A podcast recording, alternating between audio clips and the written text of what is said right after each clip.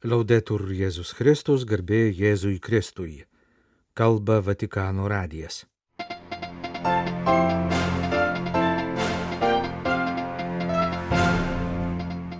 Tikėjimo mokymo dikasterija paskelbė paaiškinimą, kaip taikyti deklaraciją dėl palaiminimų.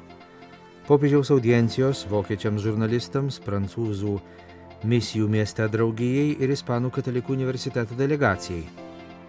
Kalėdų šviesa spindi karo tamsoje. Interviu Vatikanų radijui sakė Nuncijus Ukrainoje. Prieš 60 metų Pauliaus VI vizitu Šventojoje žemėje prasidėjo popiežių apaštališkosios kelionės. Tikėjimo mokymo dikasterija paskelbė pareiškimą, kuriuo atsakoma į tam tikrus neiškumus ir nesusipratimus, kurių sukėlė prieš kelias savaitės paskelbta deklaracija fiducija supplikans dėl galimybės teikti palaiminimą tos pačios lyties poroms. Pareiškime visų pirma prašoma atidžiai perskaityti pačią deklaraciją. Gerai susipažinti su paties dokumento tekstu - tai esminė sąlyga, kad jis būtų teisingai suprastas. Deklaracija skelbia autentišką tradicinį bažnyčios mokymą apie santoką ir žmogaus lytiškumą. Vis dėlto pareiškime sakoma, kad iš kai kurių viskupų konferencijų gautos reakcijos yra vertingos, nes jos reiškia, kad reikia ilgesnio pastoracinio apmąstymo laikotarpio, siekiant įsisavinti deklaraciją fiducija supplikans. Tačiau negalima šio dokumento atmesti ar laikyti jį eretiškų piktžodžiavimų, prieštaraujančių bažnyčios tradicijai. Pareiškimą pasirašęs tikėjimo mokymo dikasterijos prefektas kardinolas Viktoras Fernandesas pabrėžia, kad atitinkamus sprendimus dėl deklaracijos taikymo turi priimti kiekvienas vietinis vyskupas. Jis vietinę situaciją pažįsta geriau už kitus, nes tai yra jo kaimenė. Apdairumas ir dėmesys bažnytiniam kontekstui bei vietos kultūrai gali leisti taikyti skirtingus būdus. Bet nevalia visiškai atmesti šios deklaracijos ir nesiūlyti kunigams jos taikymo pastoracinėje praktikoje. Pareiškime taip pat primenama, kad palaiminimai, apie kuriuos kalbama deklaracijoje fiducija supplikans, skiriasi nuo į apeigyną įtrauktų palaiminimų. Taip pat nereiškia, kad tokio neliturginio palaiminimo teikimu būtų norima pritarti palaiminimą gaunančios poros gyvenimo būdui. Popiežius prašo plačiau suvokti tokius pastoracinius neliturginius palaiminimus ir nekelti sąlygų tokiam paprastam pastoracinio artumo gestui, kuris nepriklausomai nuo aplinkybių gali skatinti atvirumą Dievui. Kardinolas prefektas primena, jog pastoraciniai palaiminimai, kad aiškiai skirtusi nuo liturginių ar ritualinių palaiminimų, turi būti labai trumpi, vos kelių sekundžių trukmės. Jei du žmonės prašo palaiminimo, paprasčiausiai reikia melstį jiems viešpaties ramybės, sveikatos ir kito gėrio. Tokia neritualinė palaiminimo forma, pasižyminti paprastumu ir trumpumu, nepretenduoja pateisinti nieko, kas nėra moraliai priimtina. Visiškai akivaizdu, kad toks palaiminimas negali būti prilyginamas santokos apieigoms ar ko nors patvirtinimas ar ratifikavimas. Tai tik dvasininko atsakas dviem žmonėms, prašantiems Dievo pagalbos. Kardinolas siūlo ir galimo tokio palaiminimo pavyzdį. Tokiu atveju kunigas gali sukalbėti paprastą maldą viešpatie pažvelk į šiuos savo vaikus. Suteik jiems sveikatos ir ramybės dovana, laimink darbą ir tarpusavio pagalbą, išgelbėk juos nuo visko, kas prieštarauja tavo Evangelijai ir duok jiems gyventi pagal tavo valią. Amen. Pareiškimą paskelbęs kardinolas sutinka, kad galbūt prireiks tam tikros katechezės, kad visi suprastų, jog tokie palaiminimai nėra pritarimas gyvenimo būdui, pagal kurį gyvena palaiminimo prašantieji. Juo labiau, jie nėra išrišimo suteikimas, nes šie gestai nėra sakramentas ar oficiali apeiga. Tai paprasto pastoracinio artumo išraiškos. Mums visiems teks susitaikyti su tuo, kad jei kunigas suteikia tokius paprastus palaiminimus, jis nėra eretikas, jis nieko nepatvirtina, neneigia bažnyčios mokymo.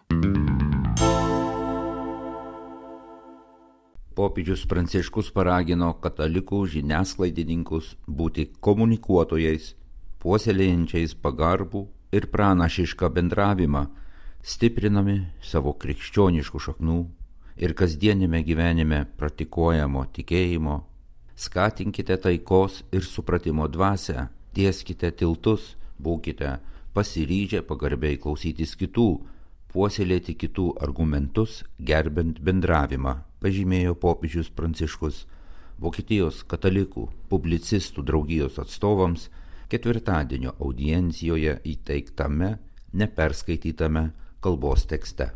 Paraginęs katalikų žurnalistus Evangelijos demilitarizuotomis širdimis padėti nuginkluoti netikrų naujienų ir kurstančių pareiškimų kalbą, Pranciškus paminėjo bažnyčioje Vokietijoje vykstantį sinodinį kelią.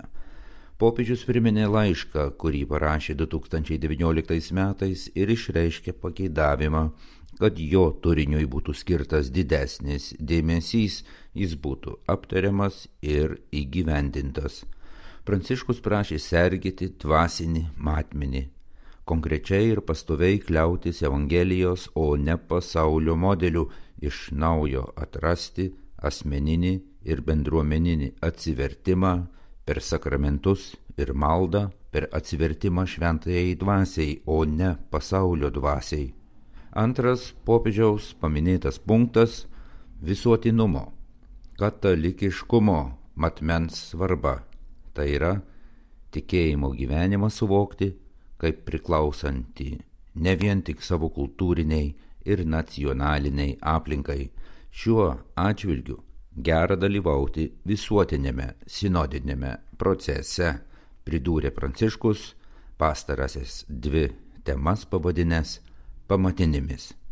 Bet kuriuo atveju svarbu nesusigūšti į save, o išeiti, nešant krikščionybės žinę į visas gyvenimo sritis, pasitelkiant visas nūdieną turimas bendravimo priemonės ir galimybės. Popiežius be to prašė katalikų žiniasklaidininkų neužmiršti savo šalies vargstančiųjų. Meilės Dievas laukia, kad krikščionys išeitų pas esančius visuomenės paribiuose. Reikia komunikuotojų, kurie parodytų jų veidus ir papasakotų jų gyvenimo istorijas atkreiptų dėmesį į jų tikrovę, vargą ir viltį, net jei tai reiškia eiti prieš srovę ir nudėvėti batų padus. Sausio ketvirtąją popiežius Pranciškus prieėmė nedidelę delegaciją iš Prancūzijos, keletą kunigų ir apie dešimt jaunų pasauliečių, priklausančių visai neseniai susibūrusiai misionieriškai miestų brolyjei. Ši brolyje apima visų pirma Paryžiaus priemišiuose dirbančius kunigus. Paryžiaus ir kitų didelių Prancūzijos miestų periferiniai kvartalai kartais vadinami atskiru pasauliu. Juose gyvena dešimčių skirtingų tautybių žmonės. Šie kvartalai neretai kamuojami bedarbystės ar nusikalstamumo, bet taip pat pateikia gražių kultūrinių ir religinių sugyvenimo pavyzdžių. Pranciškus sveikino prancūzų delegacijos narius, o jiems įteiktoje kalboje primenama, jog dabartiniu kalėdiniu laikotarpiu minimi ir švenčiami įvykiai Kristaus gimimas Betlėjaus grotoje tam tikrą prasme taip pat vyko periferijoje, kurios gyventojai prastos reputacijos ir paraštėse esantis visuomenės nariai. Ir vis tik jiems visų pirma yra paskelbta Evangelija Galbūt jie neturtingi, bet jų širdis atvira. Tokia ir jūsų patirtis. Tarnaudami miesto širdise neturite ilgai ieškoti, kad atrastumėte egzistencinės mūsų visuomenių periferijas. Jos dažnai visai šalia, kaiminystėje, ant gatvės kampo ar toje pačioje aikštėje. Jums tenka skelbti žinę, kuri buvo perduota piemenims. Nebijokite, Štai aš skelbiu jums didį džiaugsmą, kuris bus visai tautai. Nebijokite atsisakyti savo saugumo, kad pasidalytumėte savo brolių ir seserų kasdienybę, nes ir tarp jų daug atvirų širdžių, kurios pačios galbūt nežinodamos laukia gerosios naujienos. Raginu kiekvieną kartą, sutikus brolius ir seseris, atrasti juose viešpaties Jėzaus buvimą ir parodyti jiems gailestingojo Dievo buvimą Dievo, kuris nori parodyti save ir veikti per jūsų gestus, žodžius, paprastą buvimą šalia. Dievo, kuris yra kantrus ir eina kiekvieno žmogaus, kartai sužeisto, maištingo ir įpykusio žingsniu. Šiandien jums tenka drąsiai ir būtina misija nešti Dievo artumą, užuojautą ir švelnumą žmonėms, kuriems dažnai trūksta aurumo ir meilės. Sausio ketvirtąją popiežius Pranciškus priemė delegaciją iš Ispanijos pietričių miesto Mursijos. Jie aplankė šiame mieste pagrindinę būstinę turinčio Mursijos katalikiško Šventojo Antano universiteto delegaciją. Šiandien universitete mokinasi per 22 tūkstančių studentų ir dirba per tūkstantį dėstytojų, o dėstomi dalykai apima platų formacijų spektrą nuo medicinos iki pedagogikos. Universitetas veikia 25 metus. Popiežius Pranciškus pasidžiaugė šią sukaktimi ir paminėjo 2023-aisiais mirusi universiteto steigėja Jose Luisa Mendoza Peresą, kataliką pasaulietį, kuris norėjo, kad universitetas būtų iš tiesų maitinamas Dievo meilės jėgos, būtų evangeliškas ir misionieriškas. To linkiu jums visiems, kad ir toliau dirbtumėte iš bažnyčio širdies perspektyvos, kad atneštumėte Jėzų Kristų kiekvienam žmogui, kuris ateina į jūsų universiteto aulas ir į jūsų gyvenimą, kad ugdytumėte žmonės, gebančius priimti Dievą ir liūdyti jį visose sritise, kad kurtumėte brolišką visuomenę, kurioje apie bažnyčią būtų sužinoma per jos narių gerus veiksmus. Linkėjo Pranciškus katalikiško universiteto delegacijai iš Ispanijos. Karas vyksta ir kalėdų metu. Interviu Vatikanų radijui ir portalui Vatican News sako apaštališkasis nuncijus Ukrainoje arkivyskupas Visvaldas Kulbokas. Reikšminga buvo tai, kad su kitais vyskupais aukodami kalėdų nakties mišes Kyivo Lotynų apieigų katalikų katedroje ar sausio pirmąją minėdami pasaulinę taikos dieną pastebėjome, jog oro pavojaus signalai nuskambėjo per pačią iškilmių kulminaciją, kai buvome priešais Jėzų. Taigi Kalėdas išgyvenome tarp karo keliamų pavojų. Tačiau šia prasme Kalėdos dar labiau išsiskiria, nes Jėzaus šviesa šviečia tamsoje, šviečia sunkumuose. Vienas iš labiausiai nuo šių naujų antpolių nukentėjusių miestų buvo Harkivas. Nuncijus lankėsi tame mieste prieš pat šių dienų antpolių pradžią. Nuvykęs Kalėdų dieną jis aukojo mišes Lotynų apieigų katalikų katedroje, po to šventė kartu su Graikų apieigų katalikų bendruomenė jų katedroje. Švesti Kalėdas kartu su jais yra giliausia patirtis, kokia tik gali būti, sakė arkivyskupas. To ir troškau - melstis su tais, kurie Kalėdas išgyvena rimtai. Kalėdos išlieka džiaugsmingos net ir tokiomis sąlygomis. Supratau, kad vargu ar galėčiau švesti Kalėdas ten, kur žmonės pernelyg atsipalaidavę. Man tai buvo vienintelis įmanomas būdas švesti Kalėdas. Nuncijus sakė, kad kai jis meldžiasi, jo mintise visada yra vaikai. Jis asmeniškai pažįsta šeimų, kurių nariai yra kažkur Rusijoje, nežinia kur. Tai ne tik į nelaisvę paimti kariškiai, bet ir civiliai. Jis taip pat paminėjo rusų suimtus du redemptoristų kunigus - Ivaną Levickį ir Bogdaną Heletą. Nuo jų mintyse pradedu maldą, sakė arkivyskupas Kulbokas.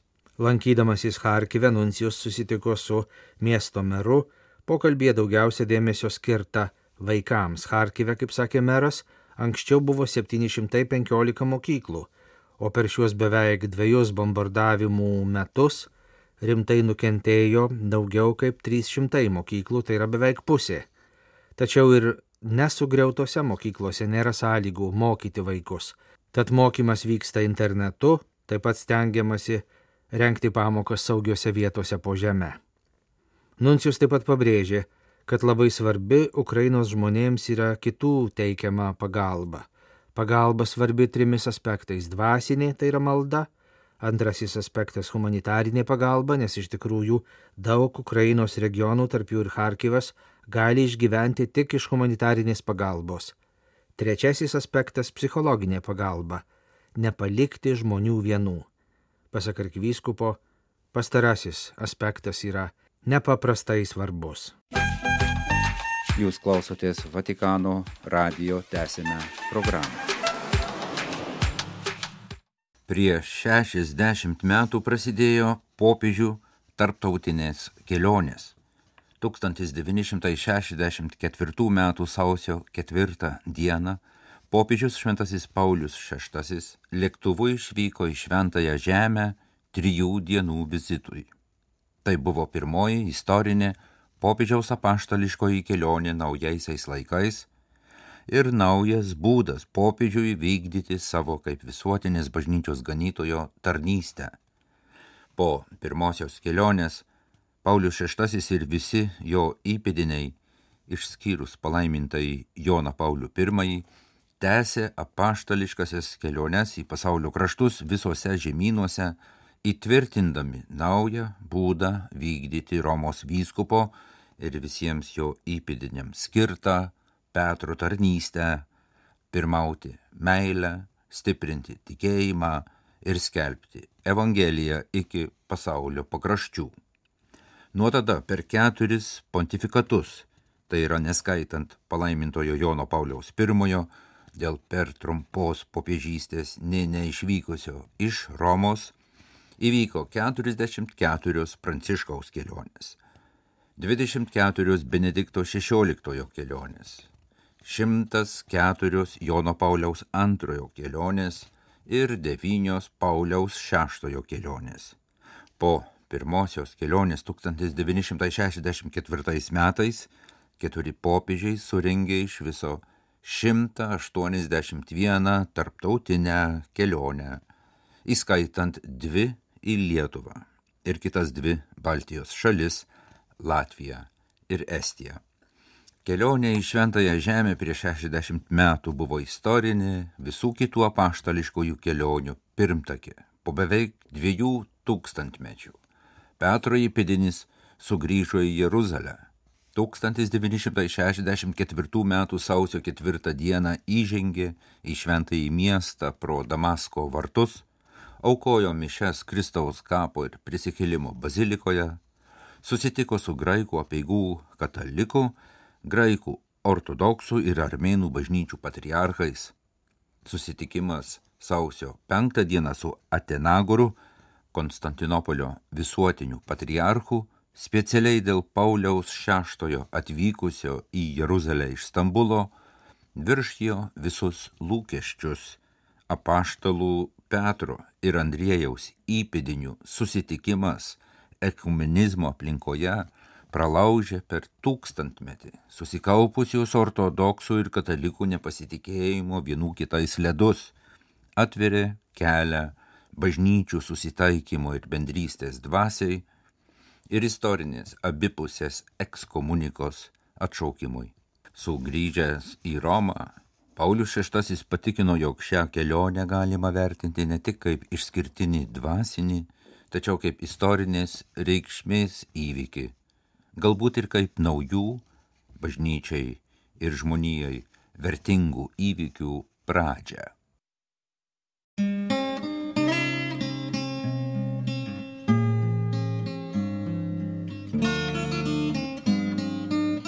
Kalba Vatikano radijas. Laidą lietuvių kalba baigėme. Garbėjai Jėzui Kristui, laudetur Jėzus Kristus.